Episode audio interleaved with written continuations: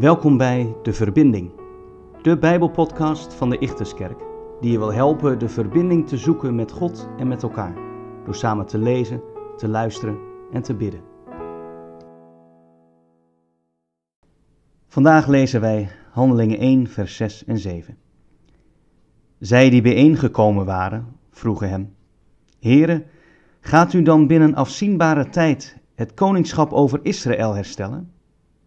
En Jezus antwoordde: Het is niet jullie zaak om te weten wat de Vader in zijn macht heeft vastgesteld over de tijd en het ogenblik waarop deze gebeurtenissen zullen plaatsvinden. Als de wereld door een crisis gaat en er grote dingen gebeuren, dan gaan er al snel stemmen op dat het einde nabij is.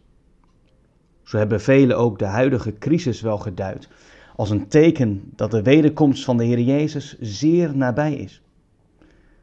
Maar toch moeten we altijd voorzichtig zijn met zulke voorspellingen. De Heer Jezus is toch ook heel helder in dit gedeelte. Hij zegt: Het is niet jullie zaak om te weten wat de Vader in zijn macht heeft vastgesteld over de tijd en het ogenblik waarop deze gebeurtenissen zullen plaatsvinden. De Heer Jezus reageert met deze woorden op het eindtijdgevoel van de leerlingen. Zij vragen zich af of het einde van de wereld zoals zij die kennen nu komt het nieuwe Jeruzalem of de nieuwe hemelaarde, zoals Openbaring daarover spreekt.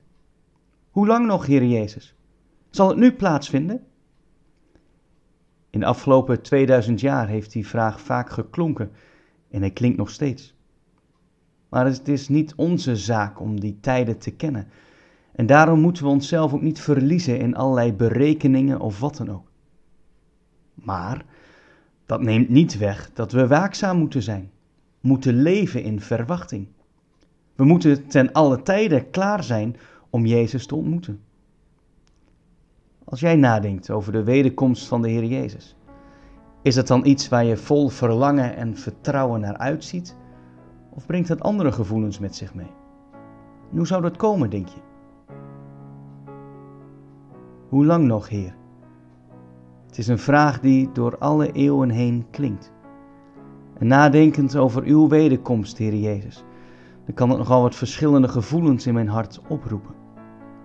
U kent mij en wilt u me helpen om vol vertrouwen die dag tegemoet te gaan. Amen.